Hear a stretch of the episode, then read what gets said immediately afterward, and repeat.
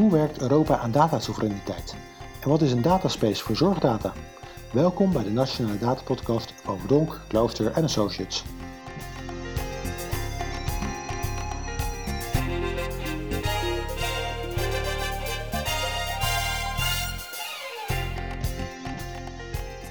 Welkom bij de Nationale Datapodcast. De podcast met inspirerende gasten en inzichten over het gebruik van data, algoritmes en artificiële intelligentie in de publieke sector. Mijn naam is Christian Vagen en mijn gast vandaag is Hugo van Haastert. Welkom. Dankjewel. Uh, Hugo, je bent gedetacheerd nationaal expert op het gebied van digitale zorg en AI voor de Europese Commissie. De mondvol. Kun je ons vertellen, wat houdt dat in? Ja, dat is een eh, hele mooie titel inderdaad. Um, ja, dat betekent eigenlijk in de praktijk dat ik eh, ben gedetacheerd vanuit het ministerie van Volksgezondheid. Uh, bij de Europese Commissie, bij, uh, het, uh, bij DG Santé, dus het, de, de Directoraat-Generaal Volksgezondheid. En dat ik me daar bezig mag houden met ja, de grensoverschrijdende digitale zorg. De grensoverschrijdende, er gebeurt er heel erg veel op de zorg. Nou, zeker het afgelopen jaar, daar kunnen we ons allemaal denk ik wel iets bij, bij voorstellen. maar sowieso denk ik dat er in Brussel heel veel ontwikkelingen zijn op het vlak van, van data. Ja, um, zeker. Wat, wat zie je allemaal gebeuren in Brussel? Nou ja, er is, uh, uh, als het gaat over de digitalisering, dan zie je dat uh, de Europese Commissie vrij recent, een paar jaar terug, eigenlijk hele grote ambities heeft aangekondigd. dat hebben ze gedaan met de datastrategie. ze hebben ook een, een witboek AI hebben ze gepubliceerd. Mm -hmm. en daarmee schetsen ze eigenlijk de hele grote contouren waar, ze, waar ze naartoe willen. Uh, en vervolgens uh, wordt dat nu eigenlijk vertaald uh, binnen de commissie, binnen al die DG'en op die verschillende vakgebieden. Dus voor mij dan natuurlijk vooral de zorg, naar hele specifieke initiatieven en, en wetgeving. Dus het is echt een, een topprioriteit van de Europese Commissie. En wat, wat zie je dan specifiek voor de zorg? Wat zijn daar de grootste aandachtspunten of de grootste uitdagingen misschien voor de komende tijd? Nou ja, je ziet natuurlijk dat nu met, uh, uh, met de, de coronapandemie, dat heeft echt de digitale zorg uh, ontzettend in, in een stroomversnelling gebracht.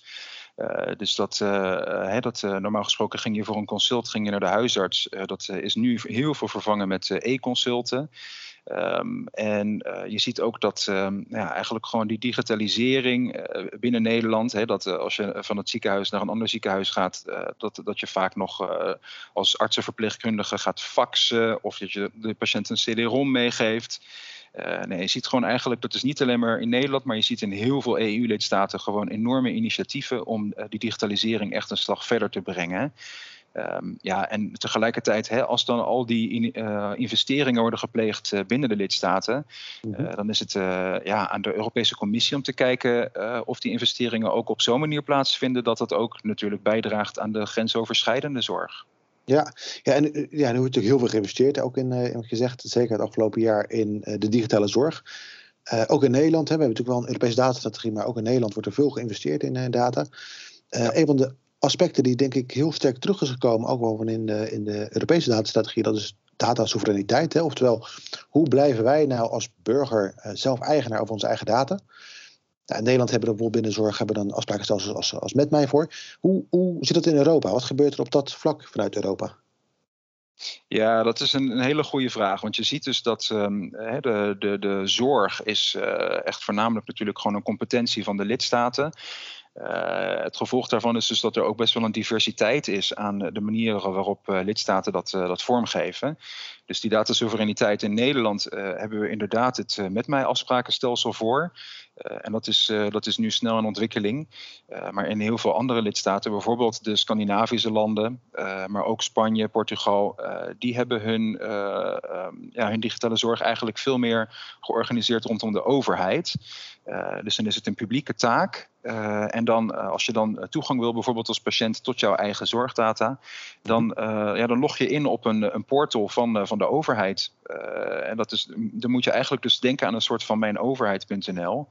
Ehm, maar dan dus voor ook je zorgdata. En dat is, dat is net weer wat anders in Nederland. In Nederland kennen we dat niet, die systematiek. Wat, wat, wat zouden wij dan vanuit kunnen leren? Moeten we leren van elkaar of zijn dingen die moeten uitwisselen in Europa? Ja, dus uh, het is sowieso goed om van elkaar te weten. Uh, nou ja, hè, dat als bijvoorbeeld in, in Denemarken dat, dat portaal wordt ingericht vanuit in dat geval de provincie. Mhm. in Nederland hebben we met mij en in, in Duitsland zijn ze heel druk bezig met de digitalisering van de zorg via de zorgverzekeraars. Dan mhm. heb je al dus drie hele verschillende aanpakken om die patiënt toegang te geven tot zijn data. Uh, want in Nederland zouden we dat eh, heel bijzonder vinden als de data bij de zorgverzekeraar lag. Uh, uh, of bij de staat. Hè? Maar in Denemarken en in Duitsland is dat blijkbaar gewoon geaccepteerd en door het parlement ook goedgekeurd. Um, en dan is de vraag vooral van ja, stel dat je nu als patiënt vanuit Enschede naar het ziekenhuis gaat in, in Osnabrück.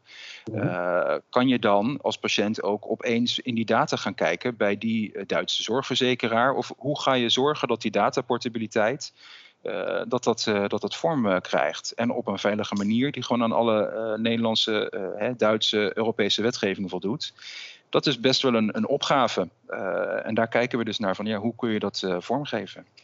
Wat is, wat is voor de grootste uitdaging? Want dataportabiliteit, dat betekent eigenlijk dat je de data vanuit, vanuit het ene systeem naar het andere systeem ook kunt, kunt brengen, bijvoorbeeld. als ik het goed, goed uitleg hoor. Um, wat, wat, wat, wat zie je daarbij, uh, nou, zeker bij die verschillen die je net schetste, bijvoorbeeld tussen nou, Nederland en, Duitsland, dat is ik een, een, een, hele concrete. Wat zijn daarin de grote uitdagingen die je ziet vanuit Europa? Ja, dat zijn er best een boel. En dan is het wel interessant om te zien dat eigenlijk de techniek niet zozeer uh, de uitdaging is. Want met de techniek kun je best wel veel zaken oplossen uh, en, en aan elkaar koppelen. Uh, die uitdagingen zitten hem vooral op de wetgeving, mm op de manier waarop de zorg überhaupt is georganiseerd en ook wel op de manier waarop de zorg wordt vergoed. Uh, want zoals ik zei, dat zijn allemaal zaken die eigenlijk gewoon uh, nationale competenties zijn. Uh, en daardoor dus ook specifiek voor Duitsland en in Duitsland ook nog eens door de lender worden georganiseerd.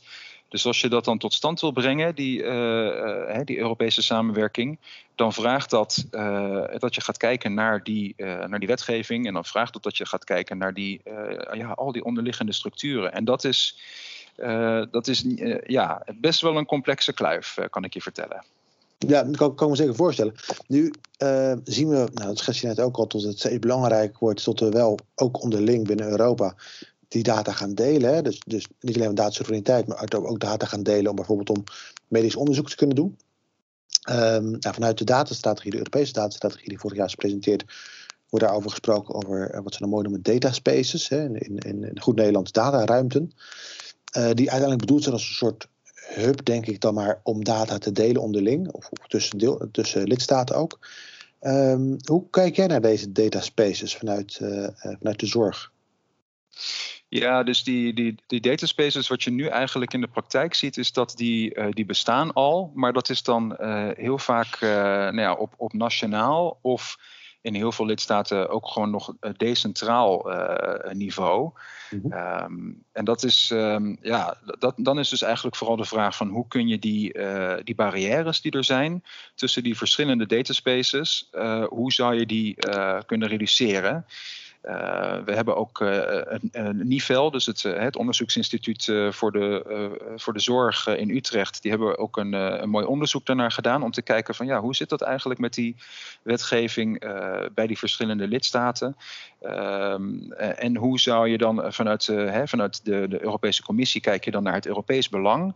Hoe zou je dan de burger kunnen helpen of de zorgverlener kunnen helpen om die barrières uh, zo, uh, zo, klein mogelijk te maken? Uh, dus het is echt een hele interessante studie. Die, die maakt heel inzichtelijk dat nu door eigenlijk dat al die verschillende wetgeving, zelfs verschillende interpretaties van de AVG mm -hmm. tussen lidstaten, ja, dat er dus nu verschillende dataspaces, health dataspaces bestaan. Um, en vanuit de EU kijken we dus uh, naar de mogelijkheden om dat zoveel mogelijk uh, die barrières weg te halen, om dus die European Health Data Space uh, mogelijk te maken. Oké, en, en zit dan de grootste barrière? Is dat inderdaad de wetgeving en de vertaling daarvan in de, in de lidstaten, bijvoorbeeld vanuit de AVG? Of zijn er nog andere grotere barrières? Nou, wat je ook ziet is dat natuurlijk de, uh, de standaarden zijn ook uh, een, uh, een belangrijke factor hierin. Mm -hmm. dus als je kijkt naar um, hè, dat we in Nederland hebben we natuurlijk NICTIS die heel hard aan de weg timmert voor de informatiestandaarden in de zorg. Ehm, en in Duitsland heb je dan Gematik. in Denemarken heb je dan weer ehm, de Deense overheid die ehm, zeg maar een gemeenschappelijke taal heeft ontwikkeld. Ja, en, en daar zit ook nog best wel een uitdaging om te kijken. ja, nu is bijvoorbeeld in Nederland het NEN dan bezig. voor, de, voor de gegevensuitwisseling in de zorg om die normen te ontwikkelen. Um, en dan is de vraag, ja, als, als in Duitsland en in Denemarken hè, de nationale normen en standaardenorganisaties hetzelfde doen, maar niet met elkaar in overleg treden, dan heb je misschien wel over vijf tot tien jaar prachtige nationale standaarden. Um, die uh, ophouden bij de grens. Dus dan heb je net zoals vroeger dat er een prachtige spoorlijn was aangelegd tussen Amsterdam en Enschede, waar je heel snel met de Intercity kan reizen. Maar zodra je dan dat kleine stukje over de grens wil naar Osnabrück, moet je in het boemeltje stappen. En dat, ja, Dat, dat is zomaar mogelijk dat we dat ook aan het organiseren zijn nu voor de Europese zorgdata. Dat, dat, dat, dat, klinkt zorgwekkend. Zouden we niet een, een Europese zorgautoriteit, of een zorgautoriteit hebben, natuurlijk wel, maar een, een standaardisatieautoriteit moeten hebben of iets dergelijks? Ja, dus je hebt natuurlijk het, het CEN, dus dat mm -hmm. is de, de Europese Organisatie voor, voor Standaarden. Um, maar die, uh, ja, die, die moeten dan daar ook bij geholpen worden. Die moeten daar, daarom gevraagd worden. En dat, dat gebeurt in de regel natuurlijk door de, door de industrie, door het middenveld en door de overheid. Um, ja, en je ziet gewoon dat in, in deze fase de, de energie, uh, de, de bestedingen, de investeringen, die lopen allemaal via de lidstaten. Mhm. En dat is ook logisch. Als je kijkt gewoon natuurlijk hoe de, hoe de inbedding van de zorg is, ja, dat is uh, die is niet Europees georganiseerd. En die is in heel veel lidstaten zelfs niet uh, landelijk, maar regionaal georganiseerd. Ja. ja, dat geldt natuurlijk ook in, in, in Nederland zo. Nu heb je een tijdje ook natuurlijk voor de, in Nederland gewerkt, hè, in Den Haag, voor, de, voor VWS. Ja. Ehm, denk je dat er voldoende aandacht is voor uh, nou, dit soort vraagstukken, of eigenlijk voor Europa, ook vanuit Den Haag? Ja, nou, je ziet wel dat het, uh, uh, dat het toeneemt en dat het vooral gebeurt, en dat is denk ik heel positief. Het gebeurt vooral ook op basis van uh, hele specifieke use cases. Mm-hmm. als je kijkt naar, ik heb ook vorig jaar mogen, mogen meewerken aan de coronamelder. En als je ziet wat voor Europees succes daar is geboekt, uh, als jij met, uh, met de coronamelder uh, je contacten registreert um, en vervolgens in contact komt met een gebruiker van de, de Duitse coronawaan-app, um, ja, die, um, zeg maar die, die, die sleuteltjes die worden geregistreerd, uh, ja, dat gebeurt gewoon over de grenzen heen, omdat er een Europese infrastructuur uh, is, uh, is gerealiseerd. De European Federated Gateway Service. Um, daar zijn mensen zich heel vaak niet eens van bewust. dus het is gewoon in, in alle stilte is dat op de achtergrond door, de, door de EU neergezet. Um, maar daar was gewoon behoefte aan. En vervolgens is het gewoon binnen een paar maanden gerealiseerd. Dus dat zijn hele mooie voorbeelden dat het, hè, als de politieke wil er is, uh, ja, en, en technisch, wat ik zei, technisch kan eigenlijk heel veel. Dan kan zoiets neergezet worden. Ja, en die politieke wil die is er nu. Hè. Nou, het afgelopen jaar uh, uh, was het noodzaak, denk ik, ook om dit soort dingen te, te regelen. Ja, als, het, uh, als, als het goed gaat, laten we daar op hopen, dan gaan we toch een beetje richting het einde van de, van de coronacrisis ook. Ja. Daarmee misschien ook wel de, de, de politieke noodzaak om dit te, te, te, organiseren. Hoe kijk je naar de toekomst? Hoe kijk je naar de komende jaren? Gaan we hierop doorzetten? Ja, dat is dus een hele spannende vraag. Uh, en, en daar merk je dus ook wel dat uh, de, de Europese Commissie in ieder geval echt hele stevige ambities uh, heeft. dus we zijn nu dus bezig met, met een, wetgevingsvoorstel voor de European Health Data Space.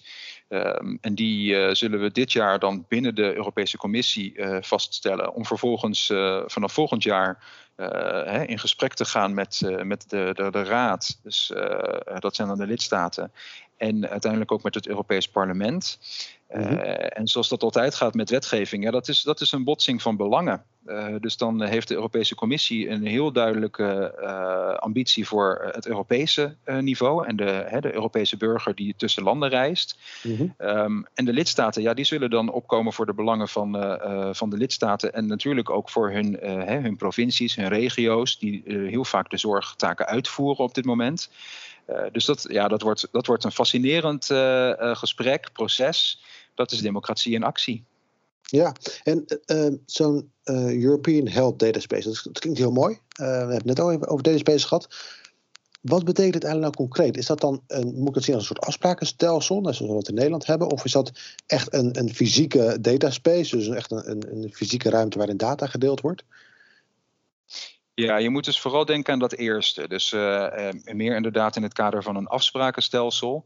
Um, en het belangrijke daarbij is dat, uh, dat die Europese burger um, uh, eigenlijk dus over de grenzen heen niet zo mhm. heel veel verschil zou mogen merken. Uh, van het feit dat hij, stel je bent in, in Nederland in behandeling bij een oncoloog en je gaat voor een second opinion naar, naar Duitsland. Um, ja, dan zou het natuurlijk prachtig zijn als die uh, Europese patiënt uh, niet, zo, niet zo veel ervan merkt dat hij uh, wordt geholpen in Duitsland. En dat hij daar dus niet heel veel last van heeft. Dat hij opeens uh, misschien geen toegang meer heeft tot die zorgdata. Mm -hmm. of dat zaken he, opeens niet meer vergoed worden. Of dat de zorgverzekeraar bepaalde afspraken niet heeft gemaakt. want het is in het belang van de patiënt dat, dat, dat die Europese zorgruimte en dus ook die zorgdataruimte uh, zich, zich veel meer uh, ja, zeg maar dienstbaar opstelt naar die patiënt toe. Ja, en uh, hoe lang gaat het duren? Hoe lang gaat het duren voordat dit realiteit is? Ja, dat is een hele mooie vraag. Dit, het is in ieder geval niet op de korte termijn gerealiseerd. Um, het is denk ik wel heel goed dat de Europese Commissie een ambitie uitspreekt en een richting aangeeft. Uh, want dan kun je in ieder geval ook echt het gesprek met elkaar daarover voeren. Maar uh, ik denk dat dit uh, ja, wel echt flink wat jaren gaat duren. minstens vijf jaar, maar waarschijnlijk nog wel veel langer voordat het echt concreet bepaalde vormen aanneemt waar de burger en de patiënt echt wat van gaat merken. Dan, dan, dan, dan, denk ik dat je de komende tijd nog wel in Brussel mag, mag, mag blijven storen. Maar volgens mij een hele mooie, hele mooie opgave waar, waar aan gewerkt wordt, ook vanuit, vanuit Brussel. Dank voor het verhaal. We komen al een beetje aan het einde van deze podcast. Um, en zoals gebruikelijk, zoals je misschien ook weet, sluiten we die podcast eigenlijk altijd af met de vraag van wie zouden we nou voor een volgende podcast moeten uitnodigen. Heb je voor ons ook een suggestie? Ja, ja die heb ik zeker. Want ik heb uh, afgelopen jaren bij Volksgezondheid gewerkt, maar ik heb ook bij een hele andere mooie organisatie mogen werken, de Rijksdienst Wegverkeer. Mm -hmm. en daar werkte ik voor Geert Pater. Uh, Geert Pater die, uh, die is vanuit de RDW betrokken bij de ontwikkeling van softwarestandaarden voor zelfrijdende auto's. Dat was een, fantastische klus om, om hem daarbij te helpen. en de RDW is een hele mooie organisatie, dus ik zou zeker zeggen: probeer het volgende gesprek met Geert Pater te voeren. Dank voor deze suggestie. Lijkt me een heel interessant onderwerp. Zeker ook een onderwerp waar, waarvan ik denk dat je dat vanuit Europa echt moet organiseren. Hè? Want ook ja, de zorg houdt, op, houdt niet op bij de grens, maar auto's ook niet. Dus dank voor deze suggestie en dank voor het verhaal. Heel graag gedaan. Dankjewel.